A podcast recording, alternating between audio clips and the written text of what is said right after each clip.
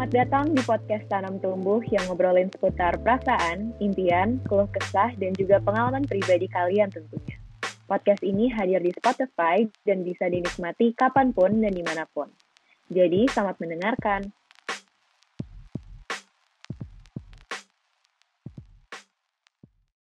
Hari ini kita akan ngobrolin tentang hal yang cukup kontroversial, yaitu sex education.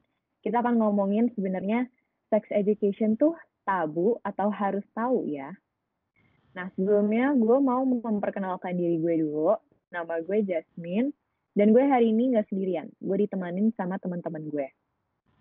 Halo, halo. Uh, di sini ada gue Barli. Halo, di sini ada gue Vivi. Halo, dan gue Dea. Oke, berarti hari ini kita akan ditemani oleh Berli, Vivi, dan Dea. Oke, pertama gue mau nanya dulu nih ke kalian. In your opinion, what is sex education? Gue deh, gue mau coba jawab karena uh, pas kita kemarin milih temanya, gue yang paling semangat banget untuk milih ini sih.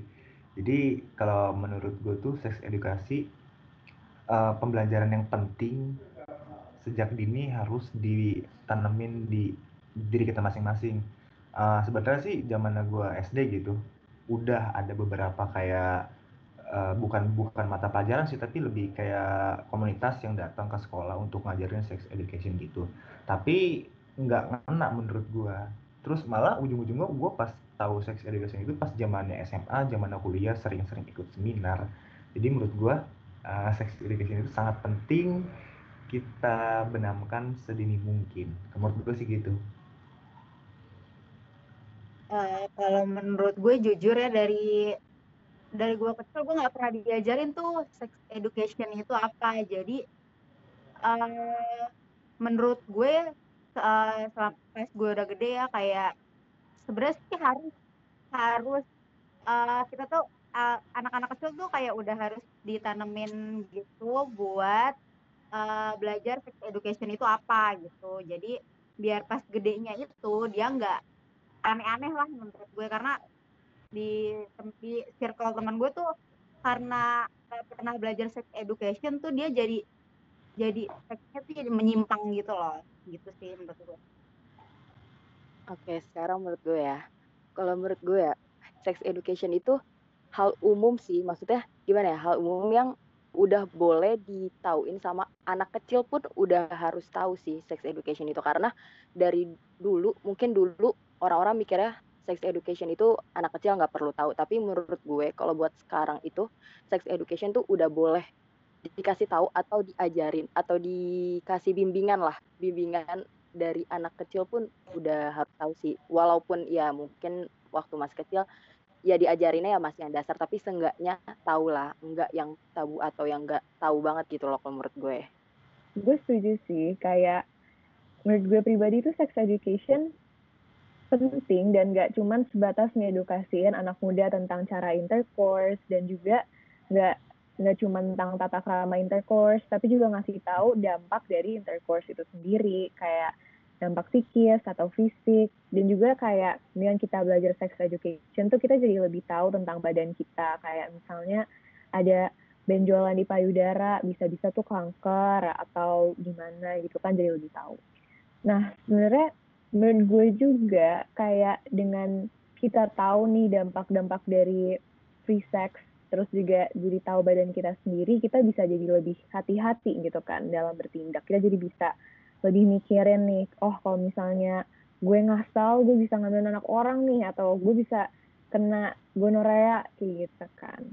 Nah terus kalau misalnya orang yang nggak tahu tentang sex education itu juga bisa nanjurin hidup sendiri dengan hal-hal itu dia juga jadi bisa tiba-tiba ngambil anak orang atau kayak sebenarnya dia punya kanker tapi dia nggak tahu gitu. Kalau menurut lo pada gimana?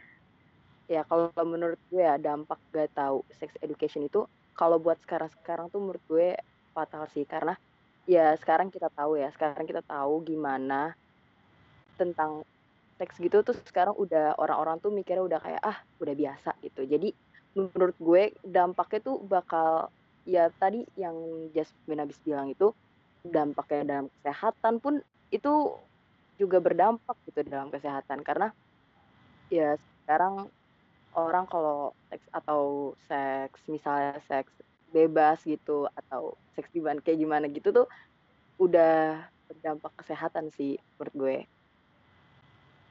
Oke, eh gue mau coba coba nanggepin uh, dia dong. Tapi emang bener sih kalau untuk zaman sekarang tuh seks edukasi mungkin udah udah sering banyak diworo-woroin lah sama sama beberapa lembaga gitu. Beda nih ketika zamannya gue gitu. Kayak yang tadi sempat gue bilang di awal.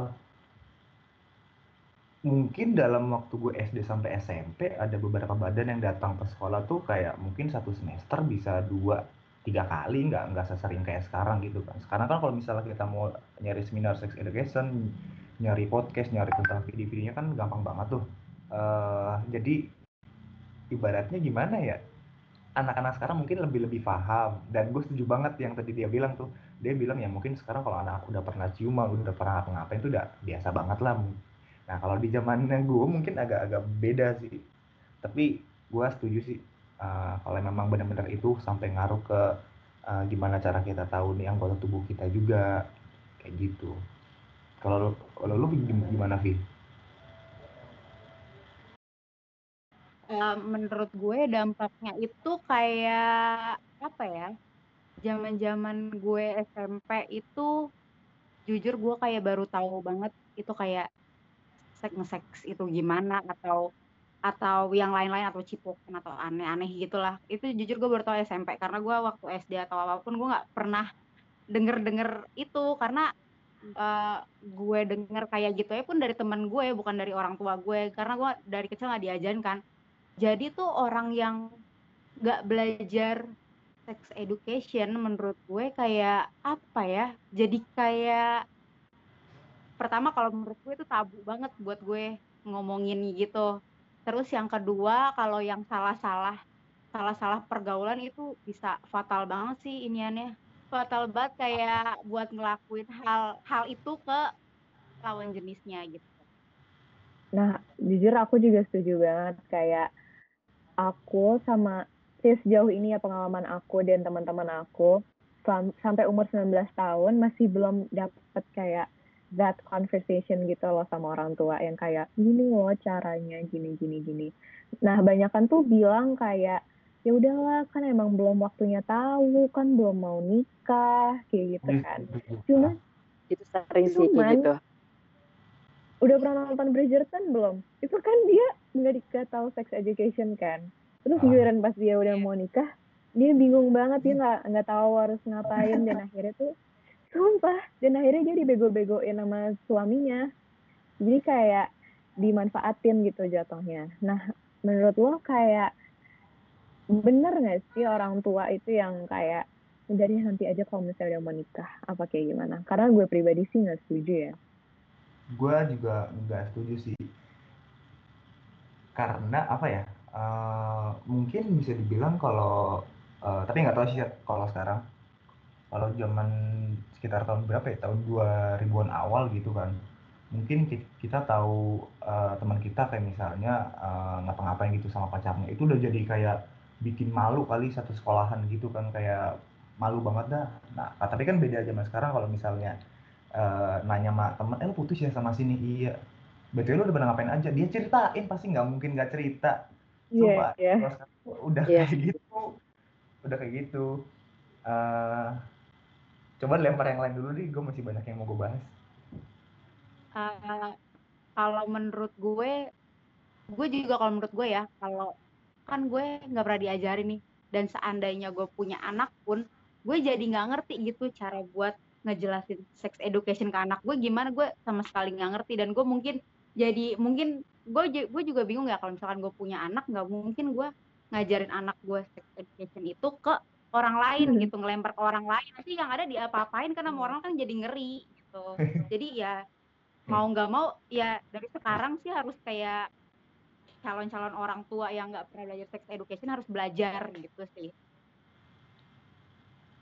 Hmm iya setuju setuju. Kalau menurut dia gimana? Uh, kalau menurut gue ya orang tua yang mikirnya entar-entaran tuh itu salah banget. Soalnya soalnya gimana ya yang tadi bisa dibilang benar dimanfaatin terus juga bukan masalah dia nanti gimana ya adanya pelecehan bukan itu juga tapi tapi dia tuh juga tahu gitu bagian maksudnya gimana ya dia jadi jaga-jaga gitu loh jadi jaga-jaga jadi dia udah tahu lah. Kalau misalnya dari kecil gak diajarin nih gak diajarin ya jadi dia masih polosnya tuh berdampak negatif gitu loh. Kayak ya dia pikir fine fine aja padahal ya itu fatal gitu kalau menurut gue sih gitu ya Nah, ini nih, uh, gue pengen cerita yang kayak waktu itu pas kita datang ke seminar nikah muda, lu inget gak sih yang di Facebook? Nah, apa Iya. ini menurut gue, gue setuju ya, kayak ada dosen dari UI kalau nggak salah, jadi itu uh, selain dosen dia juga kayak jadi anggota lembaga lembaga apa yang bisa dibilang tuh pokoknya dia yang menaungi kayak apa uh, rumah tangga di kaum kaum marginal lah yang bisa dibilang kaum kaum kalangan bawah yang memang kalau misalnya anaknya nikah di luar eh kalau misalnya apa hamil di, di luar nikah kalau di Indonesia kan pastinya dinikahin dinikahin gitu kan. Nah ujung-ujungnya kayak untuk supaya nggak malu nih si uh, perempuan dia punya bapak gitu. Tapi sepengetahuan gue dan se adanya di circle gue kebanyakan kalau yang misalnya dia kayak hamil di luar nikah terus dia nikah pasti pernikahannya agak lumayan dramatis tuh. Ada yang si cowoknya selingkuh lagi ada yang si perempuannya jadi lebih lebih bandel gitu kan. Nah tapi waktu itu uh, si ibu bilang si ibu dosen itu bilang sebaiknya jangan dinikahkan kalau misalnya dinikahkan ya udah uh, itu kan apalagi kalau misalnya dia ngelakuin hal itu di bawah umur misalnya masih umur SMA 17 tahun gitu. Terus dia nikah di umur misalnya uh, 19 tahun terus lanjut ke 20 tahun 21 22 itu kan lagi proses mencari nih kayak misalnya aduh gue bosan sama yang ini kayaknya pengen coba yang lain nah itu kan sangat bahaya. Terus gue setuju banget statementnya si ibu ibu dosen itu bilang uh, pokoknya haram hukumnya kalau di Indonesia tuh uh, si perempuan dan si laki-laki yang uh, hamil di luar nikah terus dinikahin. Nah ujung-ujungnya kan kalau di Indonesia pasti supaya uh, keluarga si A biar nggak malu nih si cewek nggak punya bapak nanti gimana gitu. Nah itu kan jadi kayak uh, lebih nyelamatin ini juga sebenarnya sih lebih difokus nyelamatin ke uh, apa ya bisa dibilang biar keluarganya nggak malu gitulah itu gue setuju banget sih di seminar itu dan itu salah satu seminar yang paling gue inget banget sih soalnya seru Iya sih, bener kayak kalau misalnya gue punya bukan punya teman sih, temennya sepupu gue tuh ada yang produk MBA, produk. Oke. Terus iya, terus habis itu orang tuanya itu divorce waktu dia masih umur lima tahun. Jadi kayak nggak tahu karena selingkuh lagi atau gimana. Nah, jadi kayak divorce nah. Terus beberapa tahun kemudian setelah dia udah tua, dia sendiri MBA tapi nggak sampai merit. Jadi kayak dia kehamilan di luar nikah gitu. Terus karena kayak dia mau dinikahin kan cuma dia ngelihat orang tuanya kayak ah nggak bakal nggak bakal bisa kalau misalnya um, nikah cuma gara-gara hamil doang. Akhirnya dia memutuskan buat ngegugurin itu bayinya. Allah. nah itu iya makanya. Itu juga kayaknya karena sebenarnya dia dia maksudnya well educated gitu ya. Kayak dia kuliah gitu dan dia pastinya tahu sex education. Cuman entah kenapa gitu tiba-tiba tetap aja bisa kehamilan gitu di luar nikah di luar planning gitu sebenarnya. Entah mungkin dia nggak pakai kontrasepsi atau kayak gimana gitu dia lalai aja gitu loh. Banyak sih uh, kasus-kasus temen gue yang NBA apalagi waktu zaman-zaman SMP itu tuh lagi viral-viralnya bukan lagi hits-hitsnya banget orang-orang kayak cupang-cupangan gitu kayak kalau kelas gue ada yang hamil SMP masih kelas 2 SMP itu hamil. Jadi mau nggak mau ya udah keluar sekolah ya ngegedein anaknya sendiri. Tapi akhirnya kasihan nikah? banget nggak sih zaman zaman SMP ya nikah cuma buat statusnya aja biar anaknya ini punya bapak gitu. Tapi kayaknya sampai sekarang pun dia cerai gitu. Jatuhnya ini gak sih? Jadi tuh cara bisa jadi anak itu ngelakuin kayak gitu biar biar mereka tuh bisa bersama ngerti gak sih? Jadi bisa aja itu sebagai caranya dia ya padahal itu salah ngerti gak jadi caranya ya mungkin caranya dia dia mikirnya biar wah biar dia iya tuh iya. nggak nggak lepas-lepas dari gue gitu. Iya jadi kayak bisa gitu aja mereka mereka mikir gini eh aduh gimana nih biar kita bareng-bareng? gitu. Udahlah kita kayak gini aja bisa jadi gitu nggak sih? Karena sekarang itu di Indonesia kalau udah hamil ya pasti dinikahin. Jadi ya Ah, bisa aja mereka pakai cara itu ya padahal Betul. salah banget cara kayak gitu menurut gue. Parah Iya. banget. Iya iya sih yang benar-benar Atau kalau misalnya anak muda tuh kayaknya karena biar mereka dapat justifikasi dari sosial gitu loh. Kayak eh oh gue dulu kayak kemarin gue udah gini-gini loh sama cewek gue. Terus jadinya kayak ada peer pressure gitu loh biar kayak oh, nyaingin eh, gue harus nih gue harus. Padahal dia nggak tahu apa-apaan kayak langsung aja terjun eh hamil gitu kan. Jadinya bisa oh, aja. Iya. bener banget sumpah kayak ya ya kayak ya itu yang kayak temen gue waktu zaman-zaman SMP kayak kayak dia tuh bangga gitu memperlihatkan hasil cupangan dia yang di mana-mana dan dia ya tuh bangga udah udah menghisap yang menghisap punya barang-barang cowoknya dengan bangga gitu di pinggir jalan.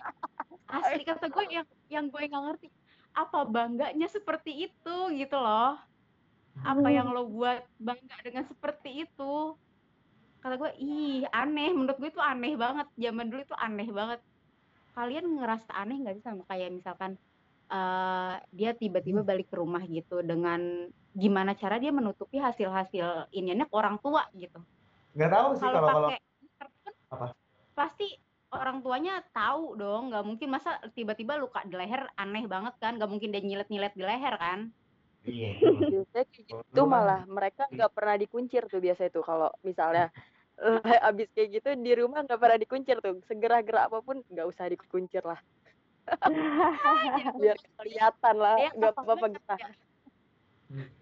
Tapi yang yang tadi ya bilang yang sex education itu ngaruh juga ke kita gimana caranya apa tahu anggota tubuh kita.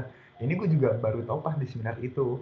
Kayak mungkin ah, sorry nih ya kayak misalnya anak-anak SM eh SD atau ya SD atau SMP lah itu kayak eh, bagian bokongnya atau bagian dadanya itu udah kayak gede gitu kan udah kayak bukan seumurannya lah gitu.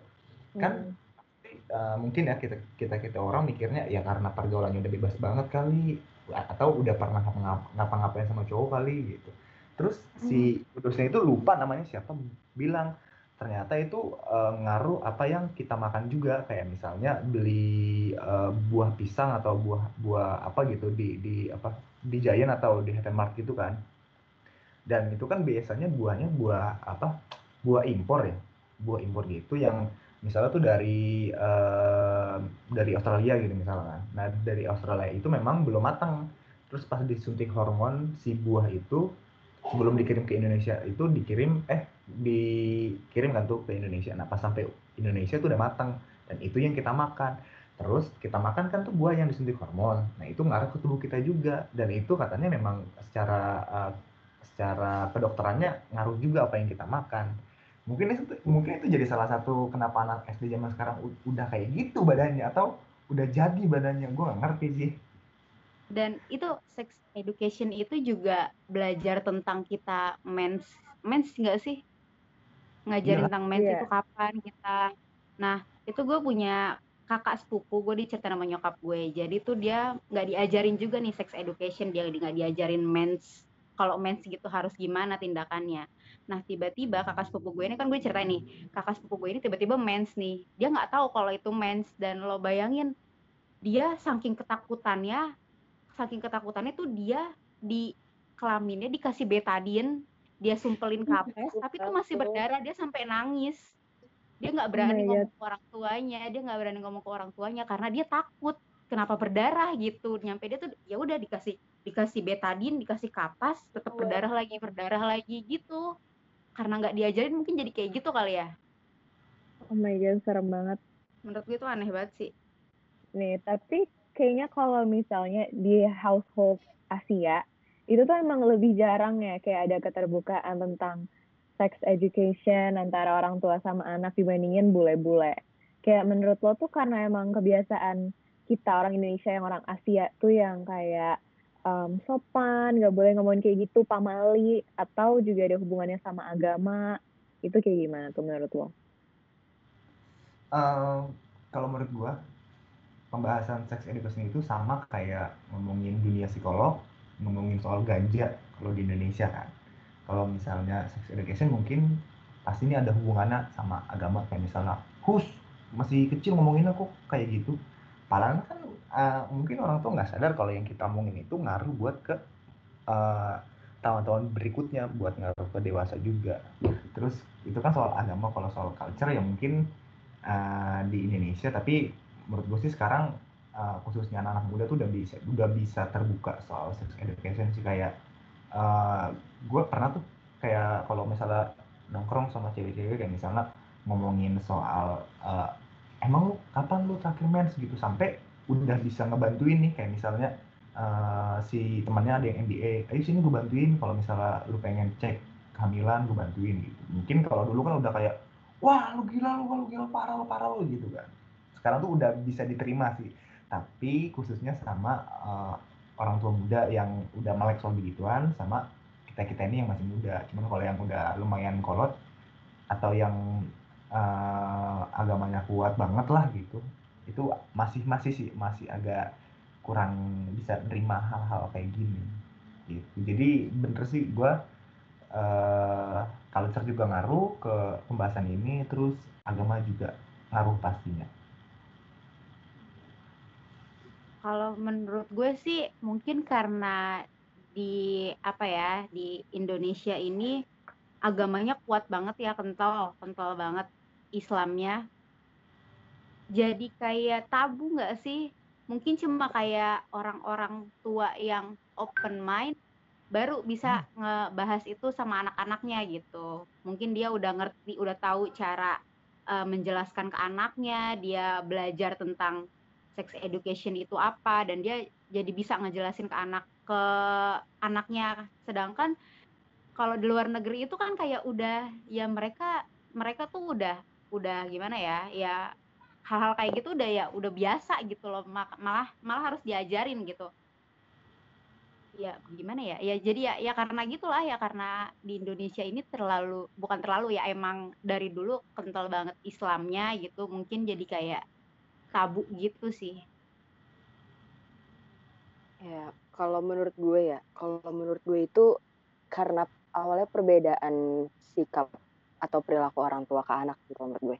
Jadi oh. kayak ya tergantung orang tua ya. Kalau misalnya orang tuanya nih orang tuanya iya ngedidik bisa dia ngasih tahu sex education gimana. Tapi caranya dia tuh lebih ke apa ya kayak jangan ini jangan ini gitu. Jadi lebih ke ngelarang selalu ngelarang. Nah itu tuh menurut gue itu jadi anaknya itu ya tertutup gitu. Jadi kayak anaknya aduh gue takut nih ngelakuin kayak gini. Aduh gue takut dimarahin sama nyokap gue sama bokap gue. Jadi ya udahlah.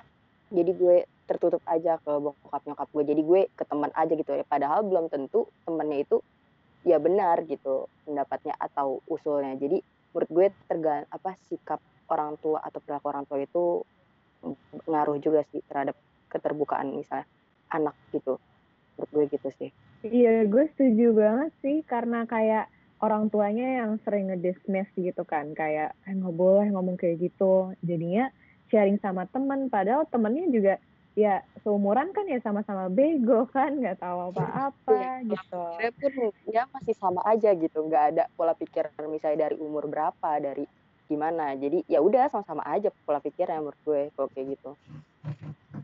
Iya jadinya dumb and dumber. Soalnya kayak temen gue ada yang MBA kan. Jadi keham bukan teman gue sih temannya teman gue juga yang lain.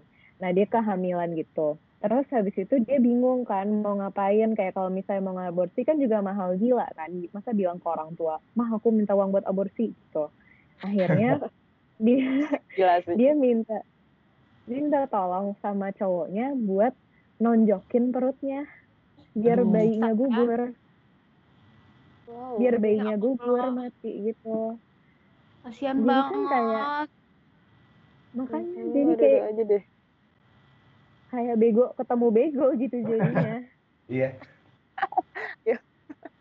Ini ya apalagi uh, kalian sadar nggak sih kalau misalnya kayak kayak ngelihat pemberitaan kayak misalnya praktek seks aborsi gitu mungkin dalam waktu tiga tiga bulan paling cuma berapa sih yang masuk media berita gitu kan Padahal dia nggak tahu sebenarnya banyak. Itu pil-pil pengguguran gitu tuh di Shopee banyak banget yang jual itu. Banyak Banyak banget. banget. Parah itu banyak, Banyak banget. gitu. Ya, jadi gue punya temen juga, temen deket banget, temen deket banget zaman kuliah. Jadi tuh dia hamil gitu sama mantannya. Awalnya ya gue Oh. tau lah, pahit, eh, apa ya, jelek-jeleknya dia sama mantannya gue tahu banget karena dia selalu cerita gitu ke gue kan. Nah terus, jadi posisinya ini dia sama mantannya ini udah putus, tapi dia masih sering berhubungan. Nah terus posisinya tuh di situ dia kayak setiap telat da telat dapet pasti selalu deh kayaknya gue hamil deh gue hamil karena terlalu dia sering karena dia terlalu sering mengucapkan itu jadi gue kayak nggak percaya gitu dong nah pas Iya. di mana terakhir dia beneran hamil ini gue nggak percaya gitu terus habis itu gue bilang ya udah coba lu beli test pack aja di apotek gue bilang gitu kan. Terus dia ngomong gue nggak berani. Ya nggak apa-apa kali gue bilang aja buat tante lu kek buat siapa kek gitu. Terus habis itu akhirnya dia belilah tuh dia beli terus dia cek sendiri dan ternyata beneran hamil. Di situ posisinya gue kaget banget dan dia juga kaget gimana caranya sedangkan dia sama, ma- sama mantan ini udah mantan gitu loh. Terus habis itu dia sam eh, dia sampai nyuruh gue buat nemenin dia ngegugurin gitu. Dia akhirnya gimana caranya buat dia ngegugurin bayinya ini ditemenin sama mantannya ini loh. Terus habis itu dia cari-cari temennya yang udah pernah ngegugurin. Nah temennya ini Hmm. ngerekomendasiin pil gitu. Nggak tahu pil apa itu namanya. Terus akhirnya eh akhirnya dia mohon-mohon ke gue buat eh, nemenin dia malam itu buat ngegugurin bayinya itu jadi gue waktu itu akhirnya temen gue ini nyewa nyewa hotel hotel apa apart ya gue lupa dulu apart kalau nggak salah buat Hmm. eh buat ngegugurin ini. Jadi malam itu dia minum pilnya itu, dia minum pilnya kata dia dia belum berasa apa-apa dong. Dia belum berasa apa-apa, ya udah gue tinggal tidur tuh. Pas paginya jam 6 dia ngetok-ngetok kamar gue dan ngetok-ngetok abis ngetok-ngetok dia udah di kamar mandi. Yang ngetok-ngetok itu cowoknya, dia tidur sama cowoknya, gue tidur sendiri. Terus habis itu terus habis itu eh abis dia ngetok-ngetok, yang ngetok-ngetok itu bukan dia, ngetok-ngetok itu cowoknya. Ya jadi temen gue ini kayak kata pacar temen gue ini ngomong, eh Vivi, si ini udah di kamar mandi, udah berdarah kata dia gitu. Udah berdarah kata dia gitu. Gue nggak tega ya Allah, asli di situ gue bener-bener nggak tega, rasanya pengen nangis. Terus gue ngeliat temen gue tuh udah jongkok aja di kamar mandi dan itu lo tahu nggak sih darah mens tapi yang darah mens menggumpal gitu Aduh, Aduh, itu asli. Gue baru pertama kali ngeliat itu bener-bener ngegumpal. Cuma segumpalan darah segini kali. Segini. Ngegumpal keluar. Terus gue bilang, terus gue bilang, itu rasa perut tuh apa? Cuma rasa sakit sedikit doang, kata dia gitu. Pas keluar rasanya ya udah keluar aja gitu, tiba-tiba gitu. Terus sama dia tuh nggak dikuburin atau di apa, tapi disiram pakai air, nyampe masuk ke selokan airnya itu loh. Ya Allah, gue nggak tega banget di situ nemeninnya asli kayak ya Allah ternyata begini banget kasihan kayak lu ngebayang gak berapa? sih jadi bayinya Itu BTW itu emang udah berapa bulan? Udah berapa ya mungkin baru dua bulan kali ya karena dia sebulan belum dapat dia langsung cek gitu nggak nggak pakai nunggu-nunggu berbulan-bulan kayak sebulan nggak dapat dia langsung ngecek gitu jadi belum lama banget mungkin masih dua bulanan Mungkin Bulan karena baru ya. dua bulan juga ya, jadi dia kayak yang nggak Iya. ngerasa sakit banget gitu. Tapi kita yang Hmm, ngeliat dan ngilu banget. dan dan kata temennya juga ya kalau masih dua bulanan mah minum pilnya nggak usah banyak-banyak satu atau dua aja kalau gue dulu temannya temannya menceritakan kayak kalau gue dulu udah lima bulan jadi harus minum berapa pil gitu. Ya Allah. Itu diminum? Aduh. atau Iya. di diminum gitu kan? Kayak- diminum. Berarti kayak obat Postinor gitu. nggak sih? Apa? Namanya? kenapa? Namanya postinor bukan? nggak Oh, tahu ya namanya apa ya. Nggak tahu. Gue cuma nggak tahu. Gue juga lupa bentuk pilnya tuh kayak gimana. Karena dia belinya cuma kayak berapa pil gitu. Nggak nggak tahu bentuk eh, asli pilnya itu kayak kayak ada 10 atau gimana karena gue cuma ngeliat dua doang waktu itu. Oh, ngeri banget juga. ya. ngeri banget.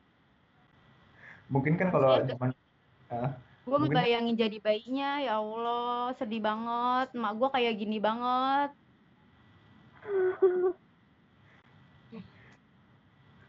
Serem Gua- banget deh.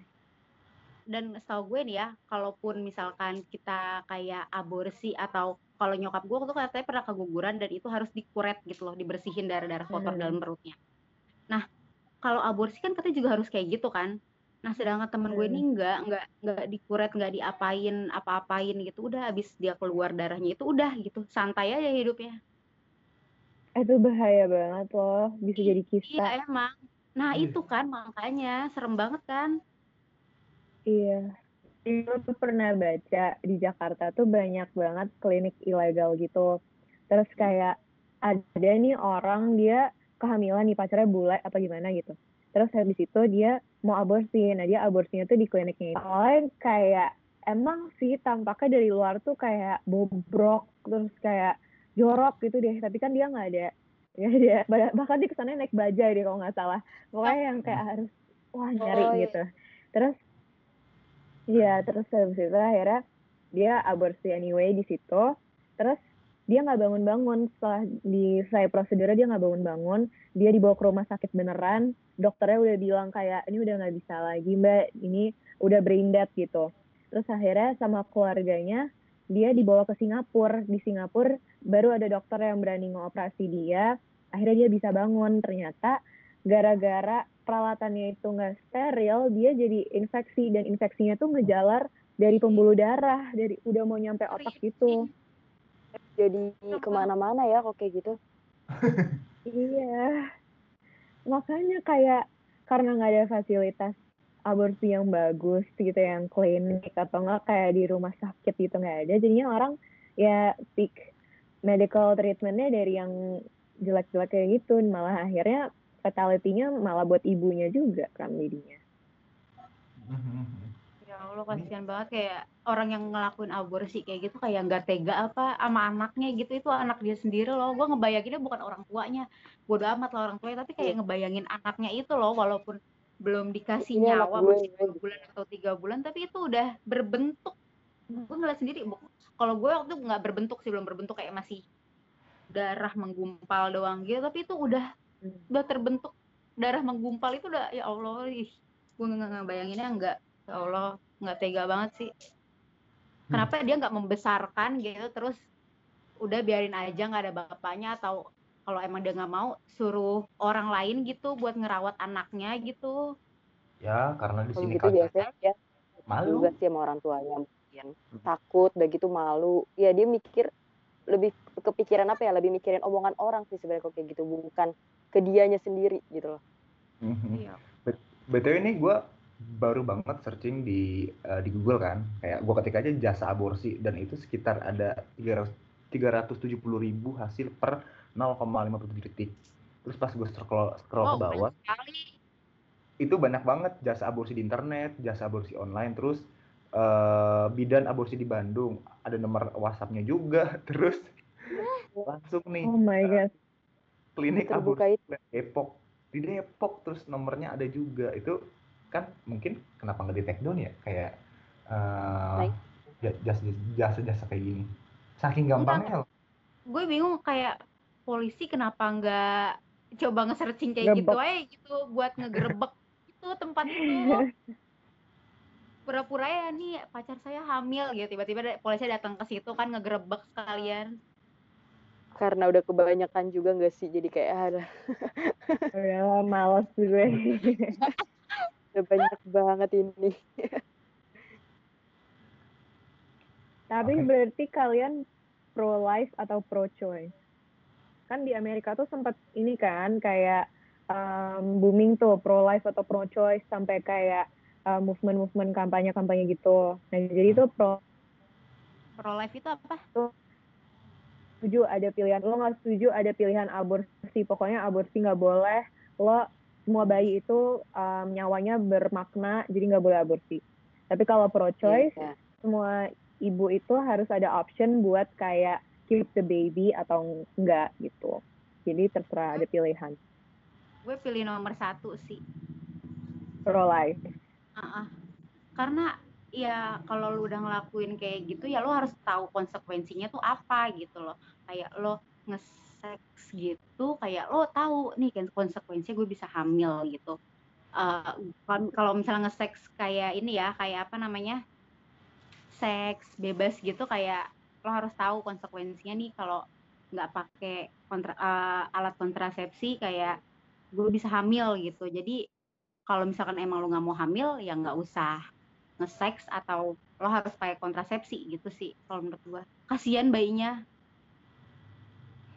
Kan kita nggak iya tahu sih. kalau pas gede. kalau gue juga kalau gue juga setuju sih sama kata Vivi. Jadi gimana ya gue lebih benar gue lebih ke pro life karena ya pertama lo harus tanggung jawab juga. Dan ya makanya tadi yang gue bilang pentingnya itu sex education. Karena ya kalau dia nggak uh, tahu gimana sex education atau dia belum tahu apa-apa ya itu pasti dia bakal tahulah bakal apa ya bakal kejadian gitu maksud gue. Hmm. jadi ya kalau emang ke depannya misalnya nih misalnya masalah ekonomi misalnya masalah ekonomi ya menurut gue ya lo udah ngelakuin ya lo harus terima resiko ya masalah ekonomi nanti lo bisa kasih ke itu bayi dirawat sama orang lain gitu. Maksud gue kan itu udah kelar itu udah kelar masalah ekonominya gitu menurut gue dan hmm. kalau masalah lo takut sama orang tua lo ya itu udah resiko gitu loh menurut gue. Ya. hmm. kalau masalah itunya sih. Gimana Barli? Gua, yang yang aduh gue yang mana ya? Gue pasti yang pertama sih. Bener-bener. Karena kalau uh, ujungnya kan dia kan ngomongin pertanggungjawaban ya kayak misalnya ya udah kan lo yang ngelakuin apa yang lo udah ngelakuin berdua nih. Tanggung jawab lo apa nih sebagai perempuan? Ya tanggung jawab lo yang ngerawat anak. Kalau tanggung jawab sebagai laki lo nikahin tapi jangan cuma nikahin doang lu lu beliin juga lah tuh apa susu bayi popok bayi juga gitu. Sama yang anehnya lagi lupa gua tahun berapa ya? Uh, eh, 2019 pas tahun baru apa tahun berapa lupa gitu. Itu kan polisi masa aneh banget ngerazia kayak uh, hypermart gitu atau Alfa atau Indomaret gitulah ngerazia kondom gitu. Supaya nggak ada yang uh, melakukan seks pas di malam tahun baru gitu. Katanya pada di apa cita-citain lah justru tuh enak dong kok gak pakai kondom gitu. Aneh sih menurut gue aneh banget itu. Lupa tapi itu oh, pernah ada cerita. Terus uh, apa yang beli kondom setahu gue yang beli kondom juga uh, banyak tuh yang masih anak-anak SMA gitu kan. Kayak uh, mau mau mau mau nyewa uh, hotel nih semalam gitu yang disuruh apa lakinya gitu. Pakainya sweater gitu kan supaya nggak lihat sama orang gitu. Itu lucu sih kayak fenomena kayak gitu. Jujur kalau gue eh gue pilih pro choice karena kayak oke okay, kalau misalnya yang alasan um, aduh nggak sengaja hamil atau kayak um, gimana gimana dia nggak sengaja hamil itu oke okay, gue gue setuju kayak lo harusnya nggak ngaborsi lo udah tahu konsekuensi lo kayak gimana lo harus jalanin. Cuman ada kayak di Amerika Latin di Amerika um, Selatan itu tuh mereka kan ekonominya lagi ancur banget kan. Dan kalau nggak salah tuh gue lupa deh kalau nggak salah Venezuela itu yang udah diambang mau bangkrut itu negaranya. Hmm. dan kebanyakan dari mereka tuh ya um, mereka miskin dan juga mereka tuh kerjanya ada yang jadi sex worker, ada yang jadi um, pokoknya yang gak, yang udah segala macam deh yang penting hidup gitu deh yang kayak pikirannya tuh udah survival instinct. Nah habis itu mereka gue pernah baca gitu, eh gue pernah nonton video. Nah si sex worker ini tuh misalnya mereka kehamilan, mereka mau ke rumah sakit, itu tuh juga biayanya mahal banget dan mereka nggak bisa afford itu karena negaranya sendiri udah nggak bisa ngasih subsidi buat um, ke orang-orang miskin karena mereka udah diambang kebangkrutan dan jadi kayak menurut gue untuk kayak orang-orang yang ada di um, kondisi ekonomi dan juga um, edukasinya termasuk um, menengah ke bawah itu tuh kayak mungkin itu uh, pilihan aborsi itu adalah sesuatu yang berharga banget buat mereka dan juga bisa save them from further misery kayak gitu sih menurut gue. Iya, bener sih. ke ya. Bener. Karena uh, sal uh, uh, gini apa salah satu faktor di Indonesia kenapa harus diaborsi atau dinikahin satu misalnya kalau dinikahin supaya nggak malu terus kalau misalnya di aborsi mungkin ya itu lebih ke arah faktor ekonomi dia kan misalnya ini anak belum belum lulus uh, sekolah nih atau belum lulus kuliah nih ntar anaknya beli popok bayi yang beli susu pakai apa nih kan nggak mungkin minta orang tua kan mau nggak mau harus uh, lu cari kerja lakinya atau cari kerja. Dan umuran SMA kan zaman sekarang agak susah tuh untuk kayak nyari kerja yang benar-benar dapat gaji yang yang oke okay lah gitu. Jadi menurut gua uh, kalau di Indonesia ada dua itu sih.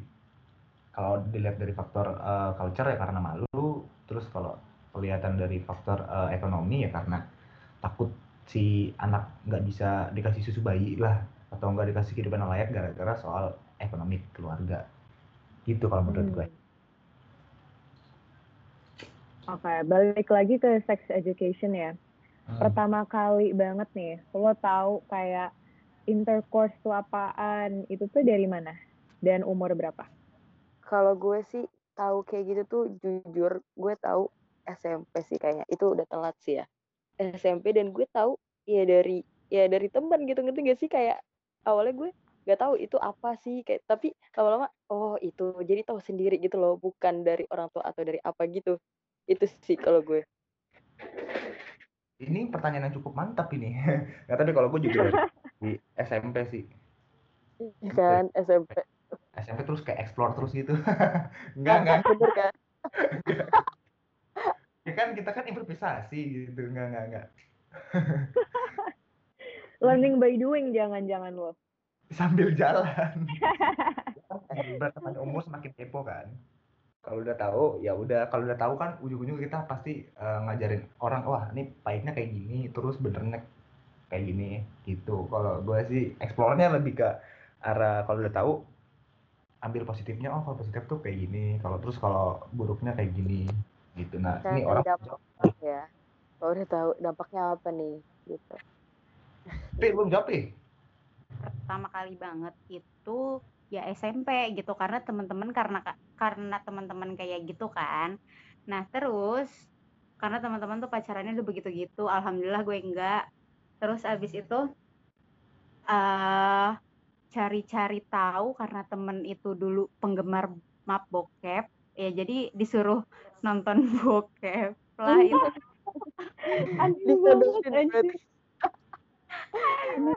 anjir ngajak nonton bokep. Asli itu waktu zaman SMP kelas 2 kalau nggak salah itu. Diajak nonton bokep pas lagi guru itu lagi nggak ada lagi jamnya lagi kosong gitu. Terus nonton di bokep. sekolah? Iya di sekolah. Oh. Sudah biasa. Iya di sekolah. Itu di di bukan di bangku di kan kalau sekolah kan ada bagian belakangnya itu kan belakang yeah. gitu di paling belakang terus duduknya tuh di bawah gitu terus duduknya rame-rame gitu Parah gak sih? Itu lebih nobar sih kayaknya. Iya. Iya kayak gitu. Sama-sama. Ini nih sebelum ditutup gue ada satu cerita yang gue walaupun gue nggak melihat secara langsung tapi gue itu benar-benar di sebelah gue gitu. Jadi kalau nggak salah pas kuliah apa pas SMA gitu.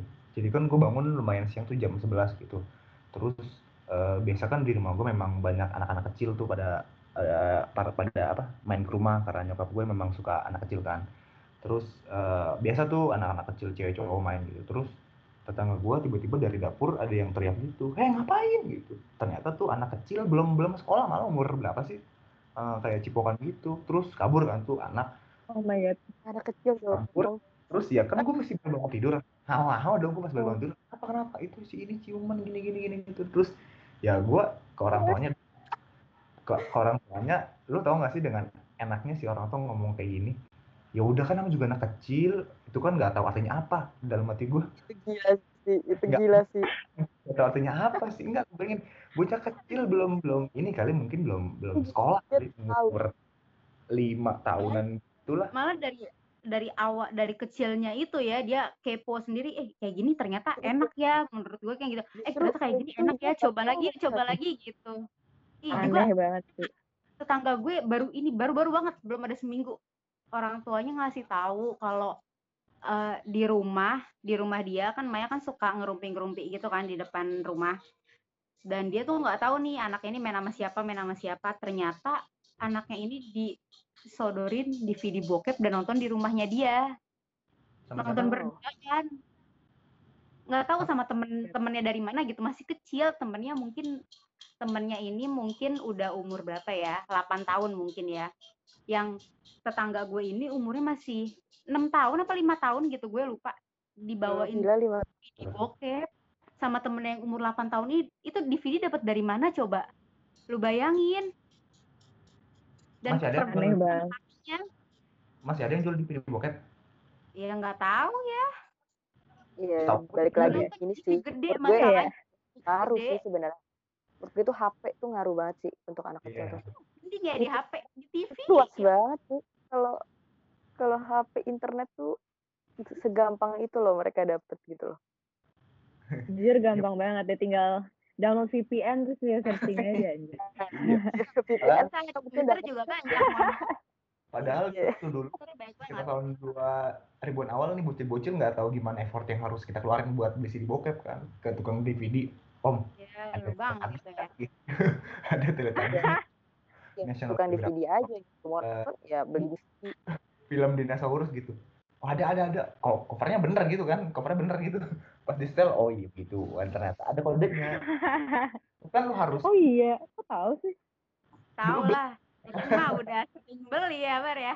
Ya tapi kan itu jadi eh, beda sama sekarang. Sekarang mah tinggal download doang gitu. Kalau nggak ya udah pakai VPN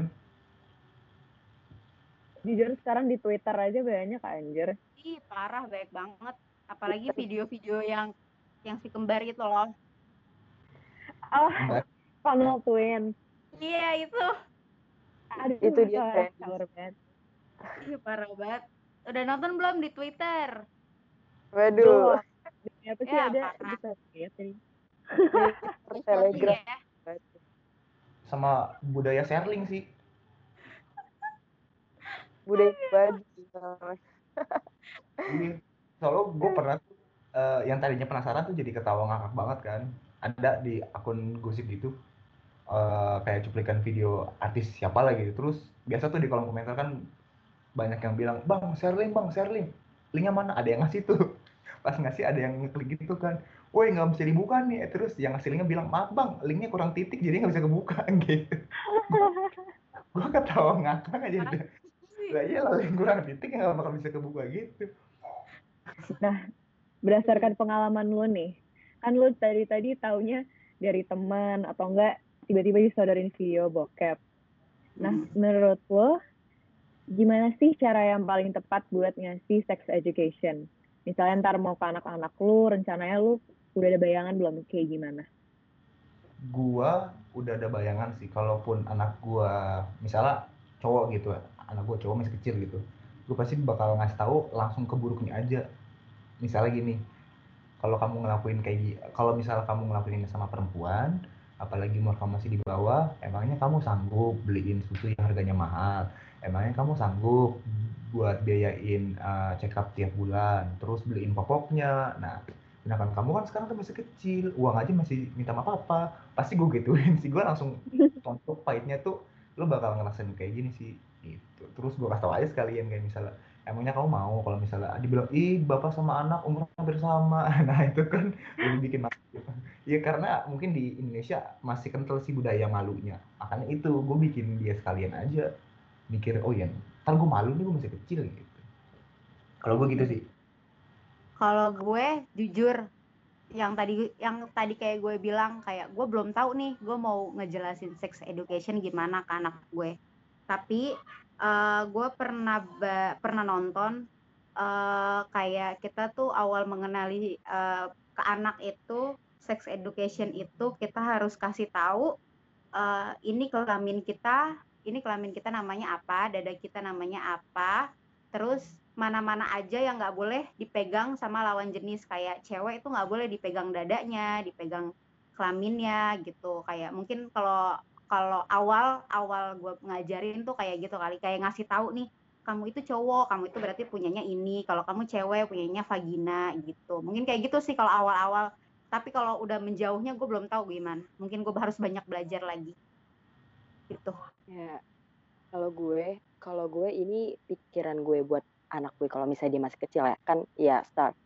kasih taunya tuh gimana gitu kalau gue ya pertama gue bakal kasih tahu yang tadi Vivi bilang sih kayak ya kita kasih tahu dulu area area privacy atau area yang nggak boleh dikasih tahu. Jadi mungkin kasih tahu kayak gini ini ini kamu nggak boleh ya kayak nggak boleh ya kalau cowok misalnya anak gue cewek ya ini ini kamu nggak boleh ya kalau anak cowok lihat atau apa. Ih soalnya malu. Jadi tuh gue lebih ke apa ya kayak lebih ke malu kayak so malu loh masa kamu ini kelihatan gitu lebih ke situ sih lebih ngasih tahu itunya dulu.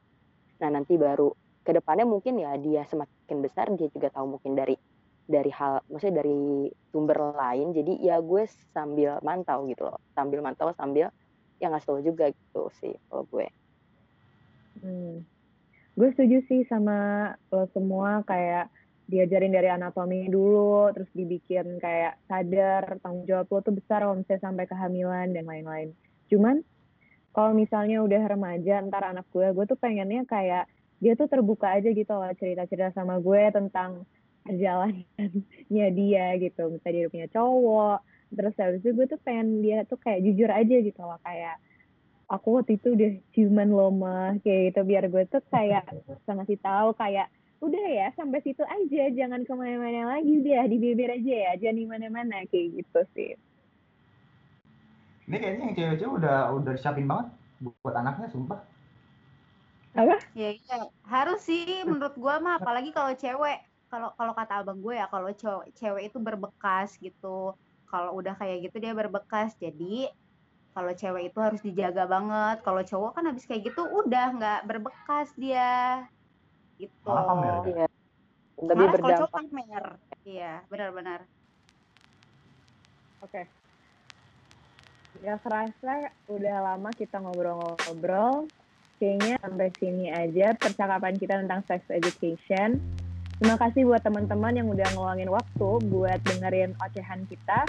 Semoga kita bisa bertemu lagi di podcast selanjutnya. Bye. Dan gitu. Bye. Bye.